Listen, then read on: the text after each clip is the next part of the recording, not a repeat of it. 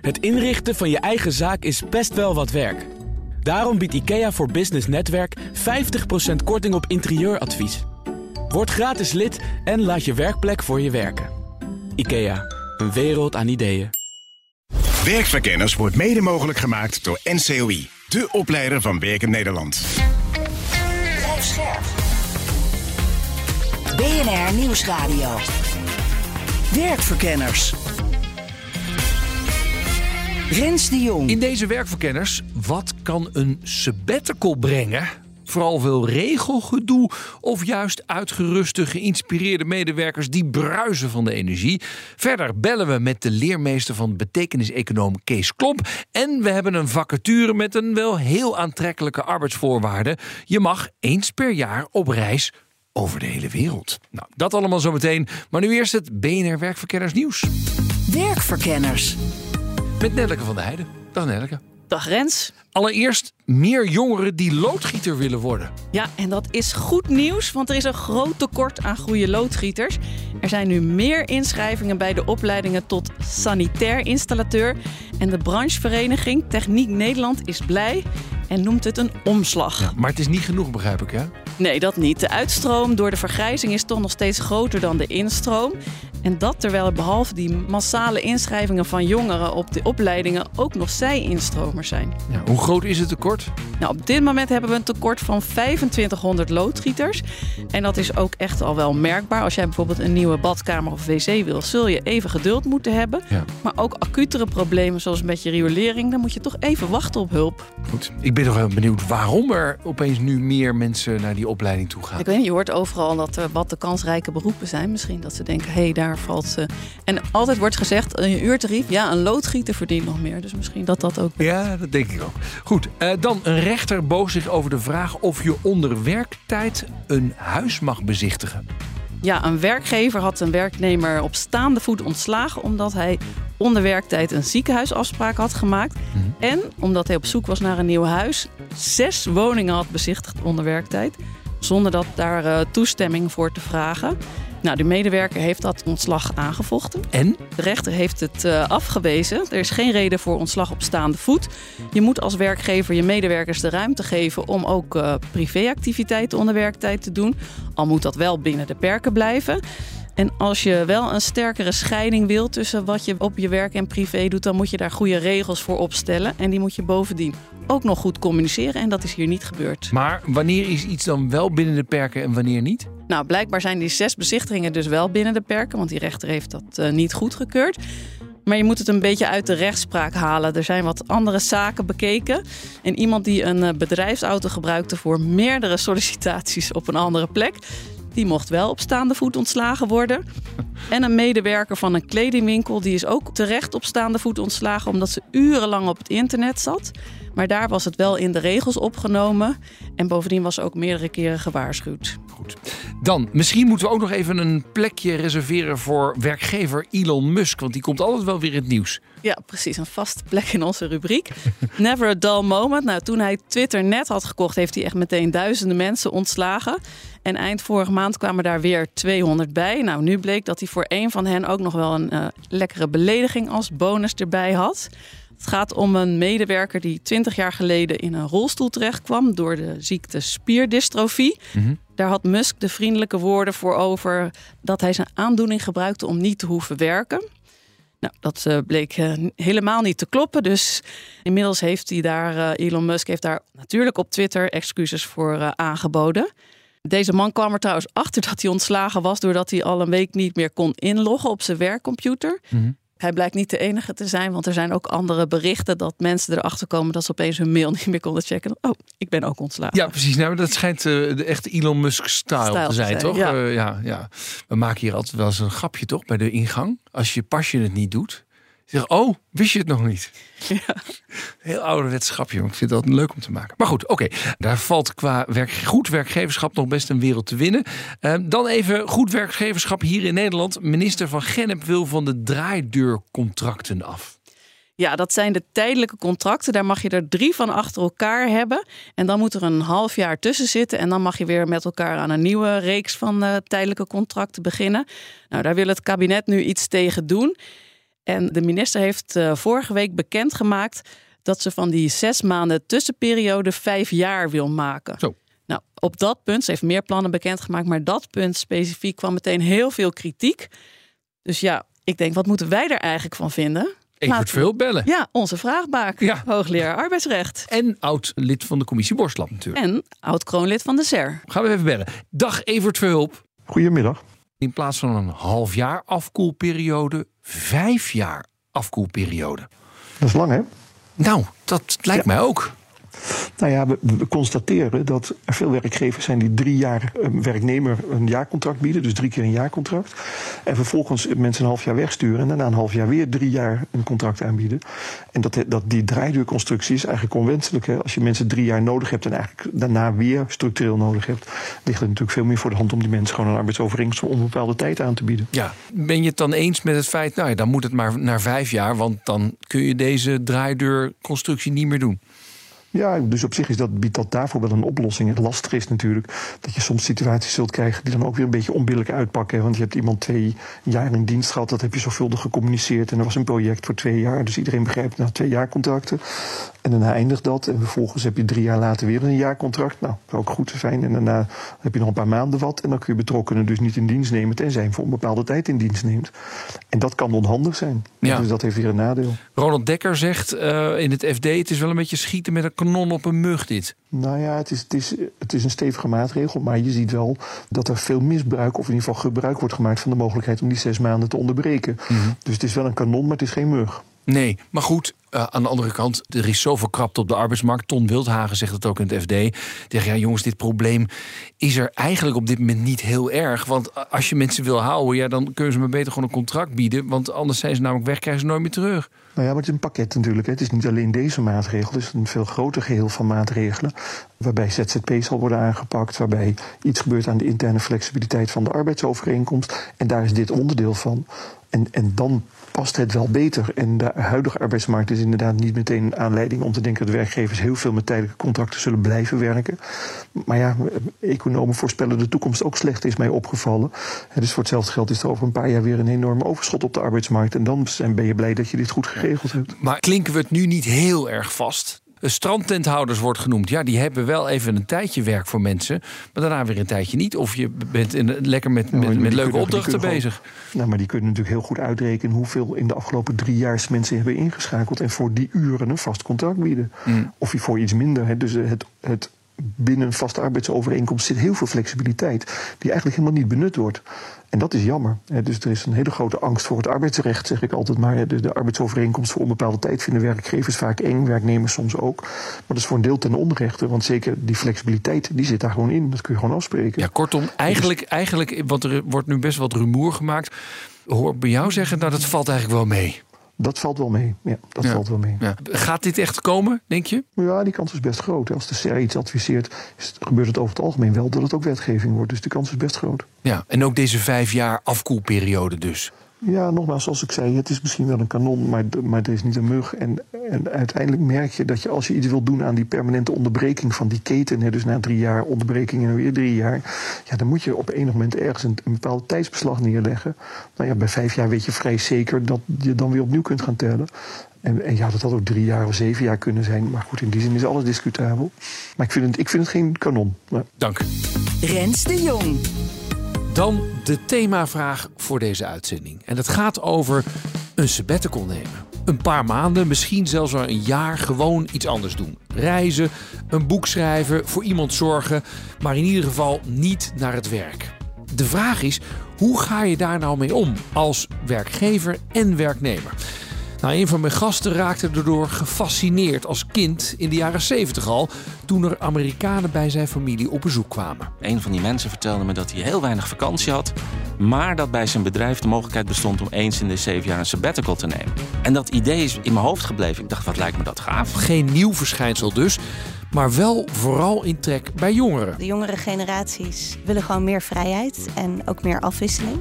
En de sabbatical is daar een eh, heel mooi voorbeeld van. Maar zo'n periode van onbetaald verlof kun je niet zomaar elk moment opnemen. Er is geen wettelijk recht op een sabbatical. Ja, wettelijk is het dus niet geregeld, maar je kunt er wel beter goede afspraken over maken. En dat blijkt vaak het probleem te zijn. Dat er geen afspraken worden gemaakt en dat er dan niet nagedacht wordt over ook hele praktische dingen. En dat terwijl er wel van alles is waar je over moet nadenken en waar je die afspraken over moet maken. Een voorbeeld. Spreek je met elkaar af dat je toch uiteindelijk pensioen opbouwt en zo ja, wie betaalt de, de premie? En dus moet je ook de nodige tijd uittrekken voor de voorbereiding. Ik kan niet zeggen op 1 of 6 maart, uh, ik heb zin in een sabbatical, ik vertrek 1 april. Dat lijkt me heel onverstandig. Werkverkenners. Een sabbatical dus. Nou, ik heb het idee dat steeds meer mensen om me heen er een tijdje tussenuit willen. Maar echt nieuw blijkt dit verschijnsel bepaald niet te zijn. Mijn naam is Juri Vergouw. Ik ben organisatieadviseur en ik ben ook auteur van diverse boeken, waaronder het Sabbatsverlof. Uh, mensen kennen me misschien ook van de strafschop of van het labyrint van de ziel. Ja. En ik schrijf veel over mijn vak, omdat ik vind dat dat een mooie reflectie is van wat ik in het dagelijks leven meemaak. En dat versterkt me weer in mijn dagelijks werk als adviseur. Ja. Het Sabbatsverlof. Het uh, klinkt mooi. En het, het is ook uh, een, een, boek in 1999. Ach, ja. vorige eeuw ja, geschreven. Ik, ik, moest hem ook weer even gaan lezen, want dat was een tijd geleden. Dus ik moest echt even terug in die tijd. En het was een periode, de jaren 90, waren natuurlijk eerst veel reorganisaties geweest. In het begin jaren 90. En daarna volgde een tijd dat er eigenlijk een personeelstekort kwam. En dan kwamen ook de eerste berichten van plezier in werk is ook belangrijk. Ja. En ik zocht naar een onderwerp, ik kwam op die sabbatical en ik ben het gaan uitzoeken en ik heb er een boek over geschreven. En het was in die tijd helemaal nieuw? Totaal nieuw. Oh ja? Ja, het was, dat zal je verbijsteren. Want ja, nu denk je, iedereen weet toch wat dat is. En zelfs kinderen hebben al een sabbatical, hè? een gap year. maar toen, nou, ik, heb, ja, ik zocht mensen. Ik dacht, ik ga het schrijven voordat ik zelf een sabbatical neem. Want Ja. anders ben je bevooroordeeld. Ik wilde weten van andere mensen hoe ze het hadden beleefd. Ik heb zes maanden gezocht voor ik zes mensen had gevonden die beseften dat ze dat hadden gedaan. Oh ja? Ze zeiden, ja, maar ik ben gewoon zes maanden weg geweest. En ja, ik zeg, dat heet een sabbatical. Ja. En dat heet een sabbatsverlof. Had men nog nooit van gehoord. Het grappige is dat jij het ook sabbatsverlof noemt. En niet Ja. nog een sabbatical. Dus Ja. het was nog heel Nederlands, de, de term. Heb Ja, ik, maar ik zat toen ook nog in mijn, in mijn puristische tijd. Ah. Ik las nog de oude klassieke Nederlandse schrijvers als P.C. Hoofd en Vondel. En ik dacht, het moet een mooie Nederlandse titel zijn, want alles is al zo Engels. Ja. Eh, jij nam je eerste sabbatical in 2002. Ja, Vertel. Klopt. Nou, ik, ik had dat boek geschreven. Ik vond, nou, walk your talk. Hè. Eh, ik heb de plussen en de minnen op een rijtje gezet. En ik dacht, ik ga naar eh, een land waar ik heel erg veel eh, binding mee heb. Met de middeleeuwen ook. En dat was de binnenlanden van Spanje. En daar ben ik een tijd gaan zitten. Daar heb ik een aantal ideeën gekregen. En die heb ik eigenlijk in de jaren daarna allemaal verwerkt. In, in nieuwe boeken en nieuwe activiteiten. Ja, en waarom wilde je dan die sabbatical nemen? Nou, in het boek staat ook, het, het begrip sabbat komt ook van ja, een, een rivier, de Sabbaton, die eens in de zeven jaar droog lag. En in het Hebreeuws staat het ook voor verzadiging. En ja, men is na zeven jaar gewoon een beetje op. En ik had een enorm zware opdracht net eh, vervuld. Eh, ik weet niet of de mensen dat nog wat zeggen, maar ik was projectleider bij de opsplitsing van de arbeidsvoorziening. En dat was een, het was zeven dagen per week hard werken. En ik was gewoon even op. En ik dacht, nu is het de tijd om het te doen. Ik heb zes maanden geblokt in mijn agenda. Ik ben zelfstandig ondernemer. Ik kon dat. Ik had gespaard. En ik ben gewoon na een, een goede voorbereidingspaar weken ben ik eh, vertrokken. En eh, dat heeft me heel erg goed gedaan. Ja, ehm, even, hoe stond de maatschappij destijds tegenover het nemen van een sabbatical? Nou, men vond het aan de ene kant natuurlijk heel intrigerend. En er waren ook onderzoeken van het ministerie van Sociale Zaken dat 800.000 Nederlanders behoefte hadden aan een langere periode van rust. Edoch, eh, als ik het vertelde, zei iedereen: Ja, maar we hebben al zoveel vakantie in Nederland. En we doen al bijna niks. En we hebben al een heel weekend. En in Amerika werken we allemaal harder. Dus eh, er waren twee stromingen. Eh, ik zei toch, ja, het is ook wel een, een arbeidsvoorwaarde. Mijn boek heet niet voor niets. Het is een persoonlijke, maar ook strategische uitdaging. Het is ook een arbeidsvoorwaarde waar de mensen op termijn behoefte aan zullen gaan krijgen. Want we worden meer kenniswerkers, creatief. En creativiteit en kennis put op een gegeven moment uit. Ehm, fysiek ook natuurlijk, maar dat, dat is een andere manier van uitputting. Net zoals die rivier, Ja. de Sabaton, die eens in de zeven jaar gewoon. Ja, precies. Niet, niet meer stroomde. Ja. En natuurlijk, in de, in de Bijbel staat al: eh, laat je akkers eens in de zeven jaar brak liggen, want dan, dan krijgt het nieuwe energie. Dus ik, en we noemen onszelf tenslotte toch ook human resources. Nou, de resources putten wel eens uit. Kijk, Apple, Microsoft, IBM, die hebben het allemaal als standaard voorwaarde al in de jaren 60, 70 opgepakt. Heel vroeg in hun bestaan. Ja. Gaat het slecht met die bedrijven? Nee. Blijven die mensen daar hun hele leven werken? Vaak wel. Omdat ze dus een voedingsbodem vinden en terugkeren. En er wordt geluisterd naar die Ja, verhalen. ja, dus iedere manager die zegt, goh, er komt er weer eentje. En eh, wat is er nou mis? Dat, dat, jij zegt, dat is een beetje bekrompen als je zo denkt. Nou, laat het los. En denk ook aan jezelf of het misschien niet tijd dan is voor jezelf om een keer een sabbatical te nemen. Dat het een vlucht neemt, merkt mijn volgende gast... die hele uiteenlopende werkgevers helpt bij hun HR-vraagstukken. Ik ben Sanne Quint. Ik heb een eh, eigen bedrijf, het HR Expertbureau. Ik help werkgevers met alle medewerkersvragen, goed werkgeverschap. Nou ja, en zo kom ik eh, heel veel eh, verschillende plekjes eh, kom ik terecht om te zien hoe het daar gaat. Ja, sabbaticals, is dat iets waar er steeds meer over gepraat wordt? Ja, er wordt steeds meer over gepraat. Dat zie je heel erg terug bij eigenlijk alle verschillende werkgevers waar ik langskom. En waarom is dat? Ja, ik denk dat het gedeeltelijk een generatiestuk is. Mhm. Daarnaast denk ik ook wel eh, dat het meer iets is van deze tijd. Vroeger ging je ergens werken en dan bleef je gewoon werken en had je je vakantiedagen. En tegenwoordig, ja, mensen willen gewoon af en toe een periode van rust, van bezinning. En nadenken of ze nog wel aan het doen zijn wat ze leuk vinden om te doen. En daar is een sabbatical natuurlijk ook het moment voor. Ja, wat is het eigenlijk, een sabbatical? Ja, het is eigenlijk een vorm van eh, onbetaald verlof. Waarbij je eh, een periode vrijneemt om te gaan reizen, eh, studie. Maar het kan ook gaan om mantelzorgen of zorgen voor een gezinslid. Eh, dat zie je ook nog wel gebeuren. Maar een sabbatical zit vaak wel iets meer, merk je, wanneer de vraag ervoor komt in de positieve hoek van ik wil tijdelijk even wat anders gaan doen. Ja. Maar het is dus een vorm van verlof waarbij je niet doorbetaald krijgt, maar waarbij je nog wel in dienst bent bij de werkgever. Ja, is het altijd onbetaald? Eh, dat wisselt. Mhm. Eh, bij de MKB-werkgevers waar ik veel zit, eh, hebben we wel veel te maken met onbetaald verlof in deze vorm. Als we het even kijken naar de voor- en de nadelen. Wat zijn bijvoorbeeld de voordelen voor de medewerker? Ja, de voordelen voor de medewerker zijn een moment van rust, van bezinning. Eh, even heel iets anders, het gevoel van vrijheid ervaren. eh, maar wel wetende dat je daarna weer terug kunt naar een leuke werkgever. Want Mhm. anders zou je wel uit dienst gaan.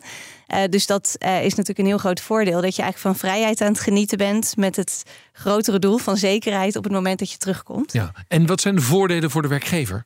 Nou, voor de werkgever vind ik dat medewerkers echt terug kunnen komen met een frisse blik. Maar ook dat je iemand niet kwijtraakt die anders misschien zijn baan wel opzegt. En nu eh, kun je eigenlijk heel planmatig en heel gericht met elkaar afspraken maken, waardoor je ook weet wanneer iemand er weer is. Mhm. En zo kan je ook ongewenst verloop voorkomen. Zijn er nadelen? Zeker.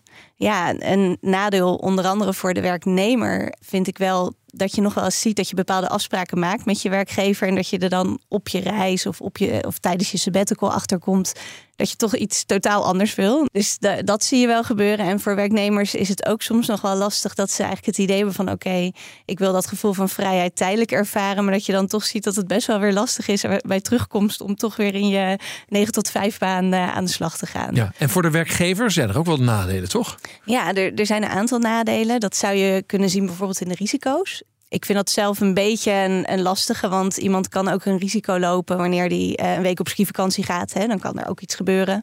Ehm, maar je, ja, dat is bijvoorbeeld een nadeel wat ik wel terughoor vanuit eh, de werkgevers. En natuurlijk de planning. Je moet iemand een langere tijd missen. Ja, en daar zit een nadeel voor de werkgever. En wat je ook nog wel ziet, eh, is dat het aanstekelijk werkt.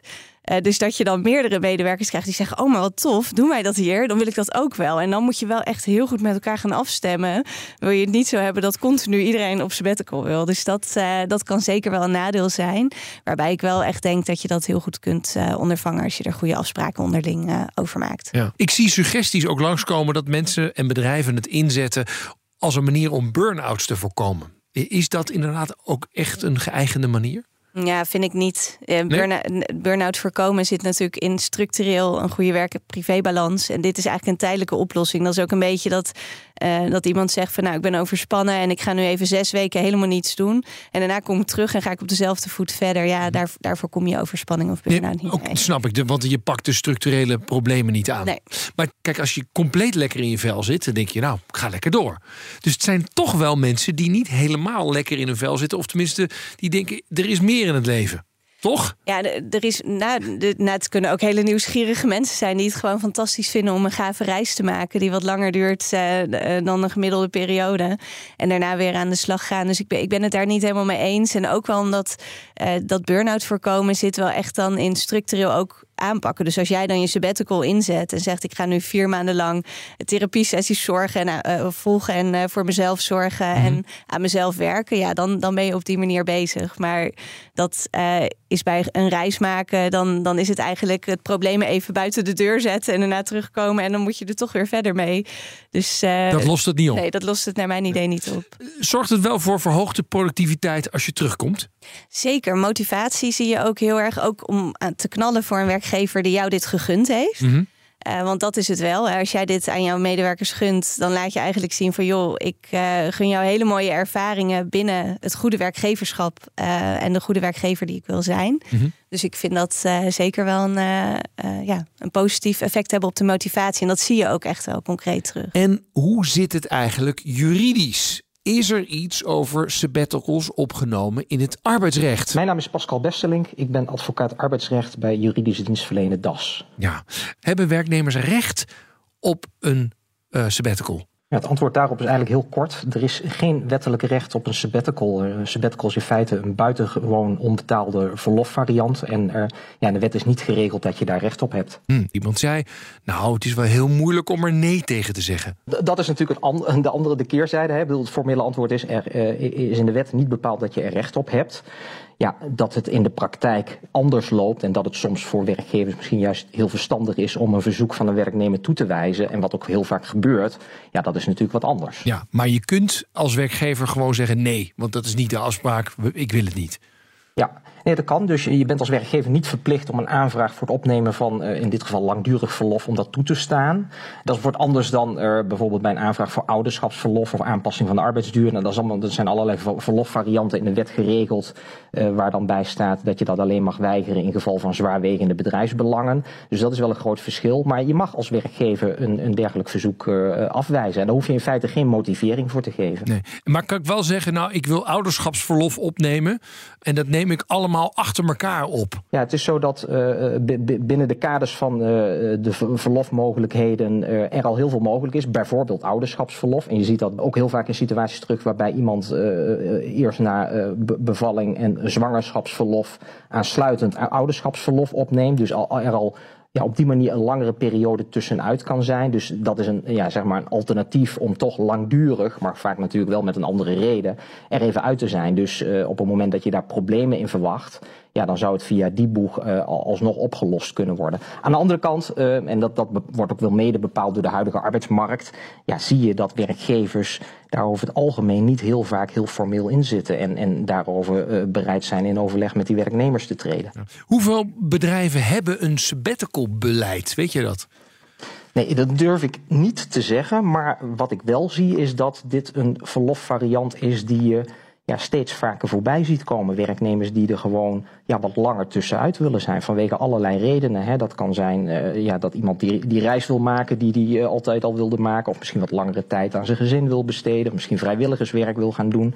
En je ziet, en dat wordt ook wel mede bepaald door de huidige arbeidsmarktsituatie. Dus natuurlijk in heel veel bedrijven krapte.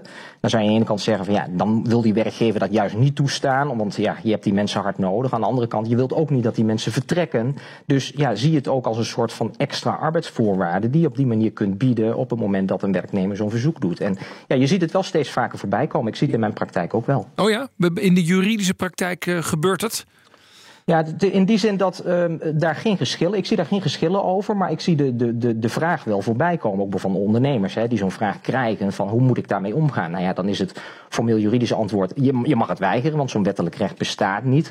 Maar ja, denk naast het toepassen van de regels, kijk ook naar ja, uiteindelijk het totale belang wat je met elkaar hebt. En op het moment dat je ja, die werknemer tevreden kunt houden en je weet ook dat hij straks weer gemotiveerd terugkomt en je hebt de mogelijkheid om de periode dat hij afwezig is op te vangen, ja, dan uh, heb je er misschien juist wel belang bij om het gewoon toe te staan. Ja.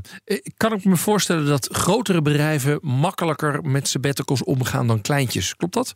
Ja, dat, dat denk ik wel. En je ziet ook wel dat als er al wat geregeld is, want je ziet best wel bedrijven die daar intern al wat regelingen uh, in hebben. Bijvoorbeeld omdat er in het verleden al wat verzoeken voorbij zijn gekomen en een werkgever op een gegeven moment daar beleid in wil maken. Uh, zie je dat terugkomen? Dat zie je bij kleine bedrijven niet of nauwelijks. En je ziet overigens ook nog wel, dat, dat is misschien ook wel een trend die, die, die meer gaat komen. In sommige cao's is het zelfs ook al geregeld. Dus je ziet wel dat daar een ontwikkeling in plaatsvindt. Maar je hebt helemaal gelijk. Je ziet het meer bij de grotere bedrijven. En in ja, de kleine bedrijven uh, zie je dat veel minder. En dan, dan wordt het veel meer maatwerk natuurlijk. Ja. Weet jij in welke cao's het geregeld is? Nou, ik, weet, ik weet toevallig dat de, de CAO voor de Nederlandse universiteiten een regeling kent. En die, die is in die zin wel algemeen. Daarin is dan bepaald ja, dat, uh, uh, dat je daarover in overleg uh, gaat treden. En dat je daar afspraken over kunt maken. En dat je die dan met elkaar vast gaat leggen. Maar het is een algemene bepaling. En die staat in de CAO. En dat brengt tegelijkertijd wel met zich mee dat ja, als in die situatie dus iemand werkt voor zo'n universiteit. Ja, natuurlijk weer wat lastiger is om het dan af te wijzen. Want dan kan een werknemer gewoon een beroep doen op die specifieke CAO-bepaling. Ja. Ik heb eigenlijk een niet-juridische vraag aan je. Maar goed, wat zijn wat jou betreft de voordelen van een sabbatical? Ja, goed, ik, ik, denk dat de, de, een van de belangrijkste is, en dan noem ik toch een juridisch woord, maar ga uitleggen wat het is. Je hebt een lange tijd om te recupereren, zoals dat mooi heet. En recupereren is eigenlijk een mooi woord voor weer op kracht te komen. En daar is een vakantie voor bedoeld. Maar een langdurige periode ja, kun je natuurlijk wat langer afstand nemen. En misschien iets doen wat je al lange tijd wilde doen. Waardoor je uh, maar nooit de mogelijkheid hebt gehad, wat langer weg bent. Ja, dat, dat zou uh, uiteindelijk een hele mooie reden kunnen zijn om op enig moment hier gebruik van te maken. En als een werkgever dat faciliteert, ja, is dat natuurlijk hele, helemaal mooi. Maar ja, goed, het is, het is, het is een, een, een, een, een mooie periode om wat langer iets anders te doen. Ja, nadelen zijn die er ook? Ja, nou goed, nadelen zijn, die, dan kom je heel snel in de financiële sfeer terecht. Hè, van, uh, je hebt in die periode, het is in beginsel onbetaald verlof. Maar wat je ziet is dat het heel veel wordt opgelost door middel van allerlei constructies. Je kunt denken aan uh, mensen die langdurig uh, wat minder vakantie hebben genomen. Dus misschien een stuwmeer of een stuwmeertje aan dagen hebben. En dan ja, op een gegeven moment wat langer weg willen. Wat je ook ziet is de variant dat iemand een paar jaar, een dertiende maand die dan binnen een bedrijf normaal wordt uitbetaald. Dat hij die, parkeert. Dus ze zegt betalen maar niet uit. En ik wil bij wijze van spreken over drie jaar wil ik die die drie keer dertiende maand uh, uitbetaald krijgen door drie maanden afwezig te blijven. Dus dan kun je op die manier ja, dat financiële aspect uh, oplossen. Een belangrijk nadeel is wel, en dat is iets waar een werknemer die hier gebruik van maakt wel zich goed van bewust moet zijn, is dat als jij tijdens de, de sabbatical ziek wordt, ja, dan heb je ook geen recht op loon tijdens ziekte. Dus dan zou dat kunnen betekenen dat als jij bij wijze van spreken drie maanden eruit gaat, en je wordt vrij snel daarna word je ziek, ja, dat je dan ook geen beroep kunt doen op, uh, op uh, ziekengelduitkering. Tenzij, wil dat uh, voeg ik dan maar weer toe, je daarover met je werkgever je aanvullende afspraken kunt maken. Straks de vraag hoe je zo'n sabbatical nou precies voor moet geven. Wat is bijvoorbeeld een ideale lengte? Een verlofperiode die langer duurt dan zeg maar drie maanden en tot een jaar. Maar nu eerst werk en specifieker gezellig werk. De vacature. Iedere week speuren wij het web af op zoek naar interessante of opmerkelijke vacatures. En deze keer hebben we er eentje gevonden, namelijk voor iemand die gezellig is. Tenminste, dat staat in de vacature.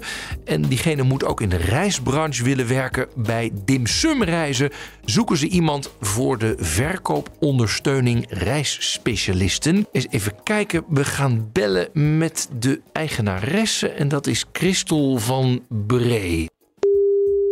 Hi, met Christel. Dag Christel, met Rens de Jong van BNR. Ik bel voor de vacature. Er staat hier, we zijn op zoek naar een gezellige collega. Ja, zo is het. Ja, dus ongezellige mensen hoeven zich niet te melden bij jullie, begrijp ik.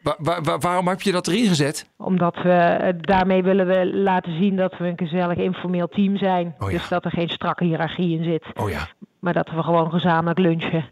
En dat de directeur uh, naast uh, de, de, ondersteuner zit en, en s'avonds ook mee borrelt. Oh, Daar ja. staat er gezellig. Ja, precies. en, en, en hoe weet je of je gezellig bent? Ja, goh, als je tijdens de sollicitatie gewoon lekker meebabbelt zonder, zonder grote stiltes, dan komt dat dan vanzelf goed.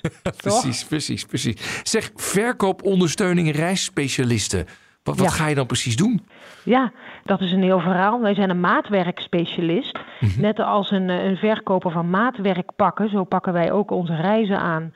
Dus als er een aanvraag komt, dan gaat de aanvraag naar de reisspecialist. En die gaat dan echt met de klant uh, zitten, letterlijk en figuurlijk. Van goh, wat is nou een mooie aanpak? Wat is nou een mooie reis? We brengen elementen in die, uh, die, die de klant uh, verwelkomt. En daarna wordt de reis geboekt. En dan Ah, gaat de ondersteuner meewerken om dus de boel gereserveerd te krijgen, om de juiste documenten de, de klant eh, te sturen.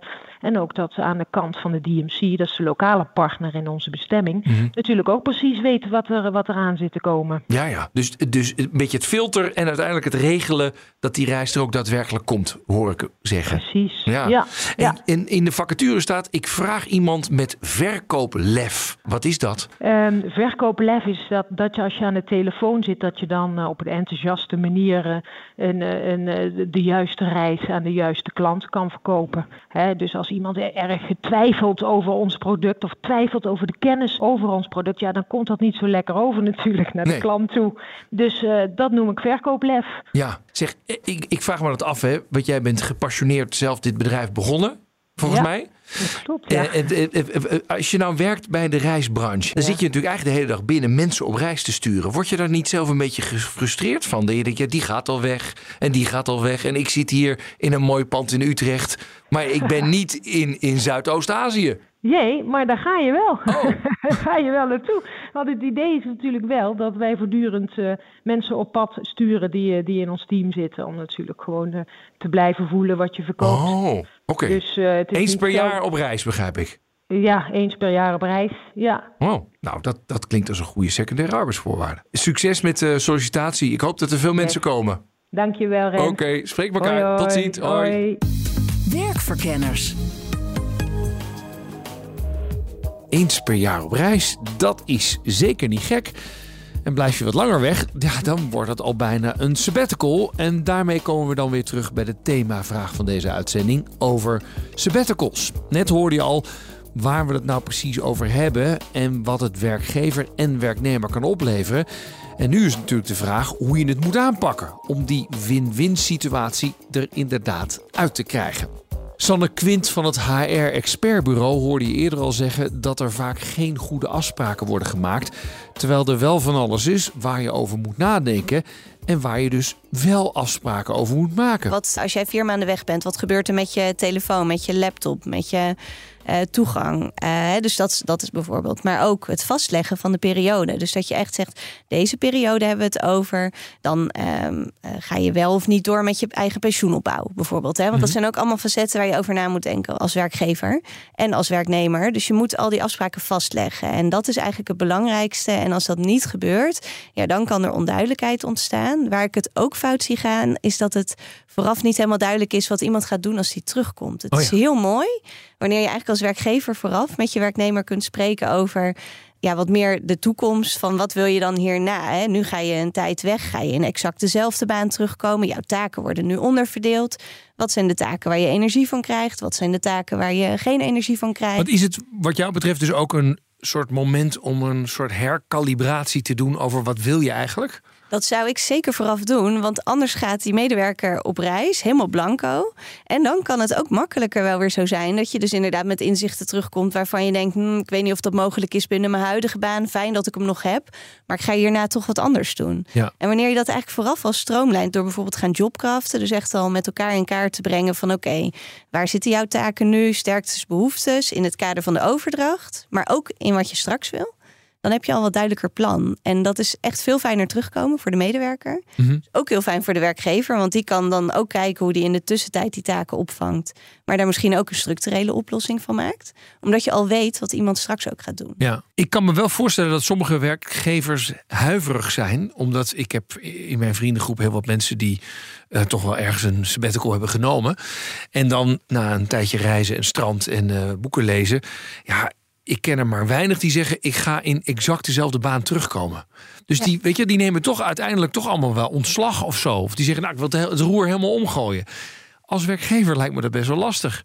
Dan zeg je, nou ja, ga maar vier maanden weg in jezelf Ja. zoeken. En dan kom je terug. Ja, by the way, ik kom niet meer terug. Of, eh, Ja. nou ja, ik vind dat 9 tot 5 is wel een beetje beklemmend als je het vergelijkt met Thailand. Ja, dat snap ik. Alleen die mensen gaan toch wel weg. Mhm. Die, die blijven niet bij je. En nu heb je eigenlijk dan al een structurele oplossing voor de opvang van taken bedacht. Nou ja, en dan ga je, het, ga je dat verder stroomlijnen. Dus op deze manier ben je eigenlijk veel meer open over in gesprek. Dan dat het moment er komt dat iemand uh, bij je blijft hangen die eigenlijk niet meer gemotiveerd is en dus ook niet meer op de juiste plek zit. Want dat is natuurlijk wel wat iemand ondervindt als die totaal wat anders gaat doen. En natuurlijk, de sabbatical geeft de ruimte over daar, om daarover na te denken. Maar ik geloof niet dat je deze mensen langer termijn vasthoudt uh, op het moment dat je ze de sabbatical niet gunt. Nee, ik kan me best voorstellen dat als jij werkgever bent en iemand komt naar je toe en ik zeg ik wil een sabbatical, dat je begint te twijfelen aan de motivatie van de medewerker. Ja, dat vind ik wel echt heel oudbollig. Ja, dat kan. ja, want dat, maar reageer eens. Dat zit niet in de motivatie. Dat zit eigenlijk in de eerlijkheid van de medewerker dat hij het aan wil geven. Uh, dat er tijdelijk een andere oplossing nodig is. En ik denk ook dat je dat zo mooi kan ondervangen. Want als iemand bij je komt, is natuurlijk de eerste vraag die je gaat stellen als werkgever of als leidinggevende: waarom wil je weg? Wat heb je nodig om weer gemotiveerd te raken? Zit het voor jou in motivatie of zit het in het avontuur wat je tijdelijk wilt uh, gaan zoeken? Mhm. Dus er zitten allemaal hele mooie diepgaande vragen die je kan stellen om juist tot een supergoed gesprek te komen. Dus het motivatiestuk, ik denk niet dat het daar uh, heel erg op zit bij uh, heel veel medewerkers. Nee, maar ik kan me wel voorstellen dat werkgevers wel zo kijken. Want het is wel weer, jeetje zeg, dan komt er weer zo'n luxe paard dat eventjes denkt... nou weet je wat, ik, ik wil graag vier maanden reizen door Azië. Ja, dat is wel de Ik heb je net drie jaar aangenomen, man. Ja, dat is wel net, uh, dat is wel de verzuchting, als ik heel eerlijk ben, die ik veel hoor van werkgevers. Ik ken ja, ze, en die ja. zeggen, oh, die nieuwe generatie en die wil niet werken en die wil nu alweer op reis. Ja, Weet je wat ik heb gedaan? Ik heb er gewoon twintig jaar in de kolenmijn gehakt. En toen Ja. dacht ik nog eens een keertje, eh, vijf weken vakantie, dat is ook mooi. Maar in die wereld leven we niet meer. En die nieuwe generaties wil je ook aan je binden. Dus dan moet je toch iets gaan verzinnen. Ja, Ja. Eh, we lachen erom, maar dit is inderdaad wel... ehm, Ik hoor hem ook veel terug. En Ja, ik heb er ook veel discussie over. En ik zit dan net in de generatie ertussen. Dus ik kan bij, me in allebei inleven. Ehm, maar ik denk wel, en dat is ook wel mijn boodschap wel altijd aan werknemers hierin. Breng het niet als een soort stelligheid van ik ga reizen en hier is mijn probleem en zoek jij het maar uit. Maar ga heel erg kijken van oké, wat kan ik doen om mijn verantwoordelijkheid te nemen dat mijn baan door kan blijven lopen. Mhm. En dat die er nog is als ik terugkom. En hoe regel ik dat zelf ook goed? Volgens arbeidsrechtadvocaat Pascal Besselink bestaat er geen minimum of maximum eis voor de duur van een sabbatical. Het is in zijn algemeen natuurlijk wel ontzettend belangrijk om het gewoon goed met elkaar vast te leggen en af te spreken. Omdat er best wel een aantal eh, financiële aspecten om de hoek komen kijken, maar ook gewoon hele pragmatische zaken. En financieel bijvoorbeeld, hoe zit het met je pensioenopbouw? En die stopt natuurlijk eh, op het moment dat jij niet werkt. Nou, daar kun je aanvullende afspraken over maken, zolang je dat dan maar helder met elkaar afspreekt. En dat geldt omgekeerd ook voor hoe wordt jouw eh, afwezigheid opgevangen en hoe ga je om met eh, het overdragen van het werk op het moment dat je stopt. En ja, het is natuurlijk zo dat hoe eerder je die afspraken maakt, hoe beter je dat soort dingen ook op elkaar kunt afstemmen. Toch heel eventjes, hè, je zegt er is ook geen maximumduur. Het is allemaal wat je afspreekt. Ik kan me ook wel weer voorstellen dat je zegt, ja jongens, er is wel gevoelsmatig is er wel een maximumduur. Anders is iemand wel heel erg lang weg bij je, toch? Ja, klopt. En wat je, wat je nog wel ziet is de periode van 18 maanden. Die zie je nog wel eens voorbij komen. En dat 18 heeft ook- maanden? Wauw. Ja, dat is dan zeg maar, ik, ik moet eerlijk zeggen, ik zie hem in de praktijk eh, niet of nauwelijks voorbij komen als periode die daarvoor daadwerkelijk wordt benut. Maar waarom die 18 maanden? Eh, dat heeft ook te maken met uitkeringsrechten. Op het moment dat jij al langer dan die periode uit bent en je zou daarna weer hervatten, ja, dan heb je uiteindelijk ook eh, eh, gevolgen daarvan. Dan kun je daar gevolgen van ondervinden in, in uitkeringssfeer. Op het moment dat je daarna alsnog een beroep op een uitkering zou willen doen. Ah. En, en daar komt ook nog eens bij van ja, als jij zo lang weg bent, ja, dan is het natuurlijk ook lastig om nog te voorspellen. Zeker in ondernemingen waar eh, eh, eh, misschien af en toe wat reorganisaties voorbij komen. Ja, of, of jouw baan er op dat moment überhaupt nog wel is. Hè. Ik bedoel, de- de- tegenwoordig gaan bedrijven regelmatig kijken van ja, goed, moeten we functie niet aanpassen, niet wijzigen, et cetera. Ja, en anderhalf jaar verder kijken zou denken, ja, het is relatief kort. Aan de andere kant is het ook, is het ook best wel weer een lange periode. Ja, werkgevers zullen het over het algemeen niet zo'n lange periode als sabbatical eh, eh, willen afspreken met werknemers. Tegelijkertijd zie ik het ook niet zo vaak hoor, zo lang. Je ziet hem echt meestal tussen de drie en de zes maanden. Ja. De vraag is even, welke afspraken moeten we allemaal maken? Kun, kun jij een lijstje geven? Ja, uiteraard de, de invulling, dus de financiële invulling. Doe je dat onbetaald of doe je dat betaald? Nou, een betaald zou kunnen door middel van het opnemen van een deel van je vakantiedagen te goed op het moment dat je dat hebt. Je kunt denken aan de constructie van het, het, het, sparen van bijvoorbeeld een dertiende maand of een bonus. Dat je zegt, je keert hem niet uit, maar hij wordt dan uiteindelijk in de toekomst uitbetaald in de vorm van een deel van dat verlof. belangrijk aspect is pensioen. Hoe ga je om met de situatie dat je ziek wordt? Uh, dus dat zijn met name de financiële aspecten. Die moet je goed met elkaar afspreken. En van tevoren, ja, natuurlijk het moment waarop je uh, het verlof uh, laat ingaan. En de, de wijze waarop dat werk wat jij op dat moment doet, wordt overgedragen aan degene die jou waarneemt tijdens ja. jouw afwezigheid. Dus dat zijn allemaal zaken die je, ja, waarvan ik ook altijd zou adviseren, leg dat gewoon goed vast in ja, of een overeenkomst, of in ieder geval heel duidelijk een checklistje waarvan je met elkaar weet van dit zijn de afspraken die we hierover met elkaar hebben gemaakt. En ook natuurlijk wanneer iemand terug terugkomt en in welke baan iemand terugkomt, toch? Ja, en uitgangspunt is natuurlijk dat je terugkomt in je eigen baan. Maar ik zei het net al van als je wat langer weg bent, ja, dan is dat natuurlijk wat, uh, soms wat lastiger te voorspellen. En dat maakt tegelijkertijd ook dat ja, werkgevers over het algemeen ook zullen zeggen van ja, uh, we willen dit best toestaan. Maar dan is bijvoorbeeld zes maanden is toch wel echt de max. En, en je ziet hem eerder in de variant van drie, vier maanden overigens dan, dan dat je al richting zes gaat. Maar dat, zou, dat zou kunnen. Maar uitgangspunt is natuurlijk dat je kunt en wilt terugkeren in je eigen functie. En dan hopelijk met heel veel energie, zowel voor de werknemer als voor de werkgever. Want dat is natuurlijk uh, uiteindelijk waar beide naar streven, na zo'n langdurige afwezigheid. Zou je ook kunnen afspreken, nou dan kom je in een andere functie terug? Dat kan, net zoals je met elkaar kunt afspreken dat je zonder dat iemand met uh, sabbatical gaat op enig moment een andere functie gaat verrichten. Maar het kan natuurlijk zo zijn dat als als jij zegt, ja, ik wil hier gebruik van maken en die werkgever zegt, ik wil dat wel toestaan, maar dat betekent dat jij, jij zit in zo'n uh, zo'n uh, specifieke functie dat ik ja, die zal moeten opvullen tijdens jouw afwezigheid. Ja, het wordt voor mij dan wel weer lastig om die persoon die jou daarvoor dan gaat vervangen, om die na drie maanden weer uh, te laten vertrekken. Dus ja, ben jij dan bereid om eventueel na jouw terugkeer wat anders te gaan doen? En ja, daar zijn natuurlijk afspraken over te maken. Ik zie die overigens niet zo vaak hoor. Oh, nee? het algemeen is gewoon uitgangspunt, je keert weer terug in je eigen functie. En werknemers uh, die een sabbatical willen, wat, wat kun je hen aanraden? Nou, nou, vooral heel goed nadenken over uh, de invulling. Uh, niet zozeer wat ze gaan doen, hè, want dat, dat bepaalt. Uh, komen ze mensen zelf wel uit? Ja, daar komen ze zelf wel uit. Dus, maar het zit er met name in het financiële aspect. Hè, van, ja. van wat, waar moet je rekening mee houden? Op, op welke manier ga je hem financieel invullen? Heb je voldoende vakantiedagen? Heb je eventueel een, een, een spaarpotje? of ben je werkgever of zelf daarvoor georganiseerd? Wees je bewust van consequenties zoals het, het uitgangspunt dat je in principe geen pensioen opbouwt, tenzij je daar andere afspraken over maakt. En, ik bedoel, maar goed, dat is een beetje jurist eigen om te zeggen. Leg die afspraken die je uiteindelijk gaat maken ook gewoon netjes met elkaar vast, zodat je weet waar je met elkaar aan toe bent. Organisatieadviseur Juri Vergaal hamert erop om ook de voorbereiding van de sabbatical heel serieus te nemen. En daar ook zeker ruim de tijd voor te nemen. Want ook daar wordt vaak toch wel uh, flink wat missers gemaakt. Het betekent nogal wat als je weggaat. Je hebt verzekeringen. Het gaat om geld. Het gaat om contact met familie. Je bedrijf moet misschien een vervanger zoeken. Uh, de kinderen. Al dat soort zaken moet geregeld zijn. Als je dat wil, dan zou ik zeggen, jong, mevrouw, 1 maart, denk eraan om vanaf 1 januari weg te gaan. He, dat je ruim de tijd hebt aan de voorbereiding. Doe ook niet te veel. Ik ken mensen die willen Latijns-Amerika, Azië en Afrika in drie maanden zien. Uh, ja, die Amerikanen die bij ons op bezoek waren in de jaren 70 deden Europa in drie dagen. Ik raad het sterk af. Ja. Want je wil ook ja, bezinning en bezinking en rust en tot, tot een bepaald ja, verder een, een, je verder ontwikkelen. Persoonlijke groei is een belangrijke behoefte van mensen. Dan heb je natuurlijk die periode dat je weggaat. Nou, zorg ook dat je voordat je weggaat even, dat je niet op dag één meteen weggaat, maar goed afscheid neemt, alles overdraagt, je huis, nou, al die soort zaken, dat je zeker weet, iets heel simpels, tandarts, al dat soort oh zaken geregeld zijn. Bij terugkeer kom niet op de dag voordat je weer gaat werken terug, maar zorg dat je één of twee weken hebt om je weer te acclimatiseren. En verwacht dus ook niet dat ja, als je weer bij de receptie staat van je bedrijf, zit er een, waarschijnlijk een nieuwe receptionist of receptioniste die je niet kent. En die zegt: Wat komt u hier doen? ja, ik werk hier. Ja, ik heb u nog nooit gezien. Zorg dus dat die terugkeert, dat er iemand is die bewust is dat je terugkeert, oh ja. dat je wordt opgevangen. Maar ook dat je je verhaal kwijt kan. Want iedereen zit nog in een flow van het normale wekelijkse werk. En dan is de teleurstelling groot als je om één minuut over negen wordt gevraagd. Nou, Peter of Petra is weer terug.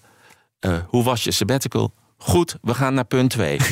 ja, zorg dus dat je ja. bijvoorbeeld een keer een avond organiseert om over je ervaringen te vertellen en op wat je hebt meegemaakt, maar ook wat je meeneemt naar het bedrijf. Zodat Ja. je een soort verslag maakt. Zorg daarvoor. Eh, dus die terugkeer is, dat is de derde stap, is dus ook belangrijk. Hoe kom je terug? Kom je terug? Kom je ook terug bijvoorbeeld in dezelfde functie? Of bijvoorbeeld in een andere functie. Eh, Je kan een promotie maken, dat heb ik gehoord, na een sabbatical, want je hebt meer levenservaring. Maar ik heb ook demotie meegemaakt. Ja, maak daar afspraken over ook. En bedenk Precies, dat. Ja. vooraf. Ehm, een sabbatical kan ook tegenvallen. Ja, ik, eh, ik had een heel mooi verhaal. Er was een man die wilde zijn hele leven kunstschilder worden. En hij had gewoon een heel succesvol bedrijf. Hij was iets van 45, 50. En hij zei, nou, ik, ik ga het gewoon doen, want dit is de tijd. Dus, nou, hij, nam die sabbatical. eh, Hij dacht, bedacht het op 5, 6 maart. En hij nam op 1 april een sabbatical. Bedrijf inge, zijn eigen bedrijf geïnformeerd. En hij ging achter een canvasdoek zitten. en na drie weken tegen een leeg canvasdoek aangezeten te hebben... zei hij, ja, het zit er toch gewoon niet in. Ik ga gewoon weer werken, want Ja. dat is mijn leven geworden. Ja. Dus het kan... Maar dit is nog mazzel dat het een eigen ondernemer is. Die kon gewoon bepalen, ik kom weer terug. Ja. Maar heb je net zes maanden sabbatical afgesproken... en na drie maanden of een maand denk je, het is eigenlijk niks voor mij... Ja, dat dan is- moet je nog even vijf maanden door. Ja, nou, het leven is natuurlijk nooit perfect. Je weet nooit hoe het precies afloopt. Wat raad jij werkgevers aan als er mensen komen met een vraag over sabbatical? Neem het serieus. Hè? We kunnen er van alles van vinden, maar moderne arbeidsvoorwaarden horen nu eenmaal bij deze tijd. We vonden vroeger een auto van de zaak ook gek, of een laptop van de zaak. Thuiswerken vonden we gek, alles vonden we gek, maar het zijn facts of life. Een sabbatical wordt een fact of life. In Amerika 80% van de universiteiten heeft een sabbatical voor de docenten. In Nederland, ik denk dat als we dat wat beter zouden positioneren, wordt het makkelijker om docenten te krijgen. De zorg, denk daar ook eens aan. Ja, we hebben veel verloop. We hebben nu al te weinig mensen. Ja, waarom hebben we te weinig mensen? Omdat we ze geen goede arbeidsvoorwaarden geven. Geef ze ook die rust. Het is fysiek en emotioneel uitputtend. Neem het serieus. Vraag ook waarom wil je weg? Wat is de reden? In de creatieve sector. Denk aan de, de mediawereld, de reclamewereld, advieswereld. Ja, je wordt soms uitgeknepen als een citroen. Je moet elke keer met een nieuw idee. Ga de wereld in. Kijk naar kleuren, geuren, muziek en kom terug met nieuwe ideeën. Oké, wat is nou de conclusie over sabbaticals? Nou, mijn vrees dat het vaak een opstapje is naar compleet opzeggen, vindt in ieder geval weinig weerklank bij mijn gasten. Het is juist, zeggen zij, een uitgelezen kans om op te laden, frisse ideeën te krijgen en misschien zelfs een reden om na terugkeer nog harder te willen werken, omdat jouw werkgever je dit heeft gegund. En dus niet alleen leuk voor de werknemer zelf, maar ook de werkgever heeft er baat bij. Het is wel veel geregeld. Denk er goed over na, maak er duidelijke afspraken over en zet het het liefst ook echt op papier. Over je pensioen, over vervanging, over verzekeringen. En vergeet ook niet afspraken te maken over de terugkeer. Zal dat zijn in je eigen baan, in een andere functie? Wanneer is dat precies? Dat is volgens mijn gasten niet alleen een opdracht aan de sabbatical-nemer, maar ook aan de werkgever. Die moet er goed over nadenken, zeker over die ideale terugkeer. En werkgevers, je mag een sabbatical juridisch gezien weigeren, maar mijn gasten raden het wel echt sterk af. Gebruik het liever onder medewerkers te vragen waarom die een tijdje weg wil. En bedenk dat die misschien wel met een bak ideeën gaat terugkeren. De leermeester. Dan het laatste gedeelte van deze uitzending. De leermeester. Wie heeft jou geïnspireerd in je carrière? Welke woorden zul je nooit meer vergeten? Vandaag hebben we contact met Kees Klomp. En dat is een expert op het gebied van de betekenis-economie. Wel eens eerder bij ons in de uitzending geweest. Dag Kees. Hey, hallo Rens. Goedemiddag. Uh, wie is jouw leermeester? Uh, Matthijs Schouten. Wie is Matthijs Schouten? Matthijs Schouten is uh, de, uh, de hoofdecoloog van uh, Staatsbosbeheer. Oké, okay. en hij is ook nog eens een keertje filosoof, begrijp ik, hè? Ja, en, en filosoof, nou en of, jazeker. Laten we eens even gaan bellen. Komt-ie. Matthijs Schouten. Dag meneer Schouten met Rens de Jong van BNR Nieuwsradio. Goedemiddag. Goedemiddag. Ik bel u voor de rubriek De Leermeester. Dat begrijp ik. Ja, ja, u bent door iemand aangewezen als zijn of haar leermeester. Kees, kun je ja. jezelf even bekendmaken? Hé hey, Matthijs, met, met Kees Klomp. Hey, Kees. Ja, weet u het nog? Dat had ik nou nooit verwacht. Ja, ja dat is het echt zo hoor. Ja, ver, ver, ver, Kees, vertel even, uh, even want jullie, uh, meneer Schouten, u kent Kees Klomp nog wel? Ja, zeker ken ik hem. En ik voel me eigenlijk soms meer een leerling van Kees. Oh, kijk eens. nou, Kees, vertel even waar het moment was dat je zegt... eigenlijk heeft Matthijs heel veel invloed op mijn leven gehad. Nou e- ja, enorm veel. Ik, ik, ik, mo- ik mocht, eh, ik mocht Matthijs dus nou, echt al heel wat jaren geleden interviewen voor, eh, voor Buddha Magazine. En ehm, ja, Matthijs legde mij daar uit ja, op een voor mij ja, echt weergeloze manier hoe hij zijn boeddhistische levensbeschouwing. ehm, ja, zonder het boeddhistisch te laten zijn, gebruikte in zijn werk. En, eh, en ook toegankelijk kon maken voor. Voor andere mensen. Hè? Dus hij, hij, kon het gewoon hebben over zaken als compassie en, en wederzijdse afhankelijkheid en liefdevolle vriendelijkheid, zonder daar eh, ja, hele expliciete boeddhistische uitingen bij, eh, bij nodig te hebben. En dat was voor mij zo'n ontzettende openbaring, omdat ik tot dat moment ongelooflijk mijn heil zocht, juist in vast blijven houden aan die eh, boeddhistische bronbenoeming.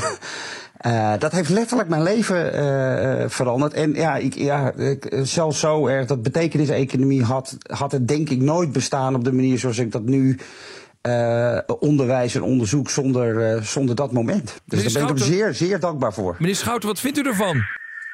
Nou ja, eh, ik ben nu naartoe geraakt. En ook een beetje ontroerd. Het is voor mij ook niet typisch boeddhistisch. Ik vind het universeel menselijk. Uiteindelijk denk ik dat we allemaal, elk van ons zich wel voelt bij wederkerigheid, saamhorigheid. En als Kees dat dus zo oppakt ook in zijn werk, dan, eh, dan heb ik mijn werk gedaan. Ja. zo is het. Nou, zo is het, hè? Ja. Nou, ik vond het leuk om jullie even met elkaar te connecten. Dank jullie wel. Dank je hartelijk. Oké. Dankjewel. Dag Matthijs. Dag. Bye bye. Mooi verhaal van Kees Klomp en Matthijs Schouten. De ecoloog die de econoom inspireert, is zelf ontroerd. Boeddhistisch, nou, hij vindt het universeel menselijk. We voelen ons allemaal wel bij wederkerigheid en saamhorigheid. Zo zegt Matthijs Schouten. Nou, heb jij nou iemand die jou geïnspireerd heeft en die je graag zou willen bedanken? Laat het ons even weten via werkverkennersapenstaartje.bnr.nl en laat het diegene nog niet weten dat je het mailtje hebt gestuurd. En dit was Werkverkenners voor deze week. Volgende week dan krijg je weer een verse op dinsdag om 3 uur. En natuurlijk in je podcast-app kun je hem op ieder moment terugluisteren. Productie en redactie Nelleke van der Heijden, Emma Somsen. Mijn naam is Rens de Jong. Tot de volgende keer. Dag. Werkverkenners wordt mede mogelijk gemaakt door NCOI, de opleider van Werken Nederland. Als ondernemer hoef je niet te besparen op je werkplek. Want IKEA voor Business Netwerk biedt korting op verschillende IKEA-producten. Word gratis lid en laat je werkplek voor je werken. IKEA, een wereld aan ideeën.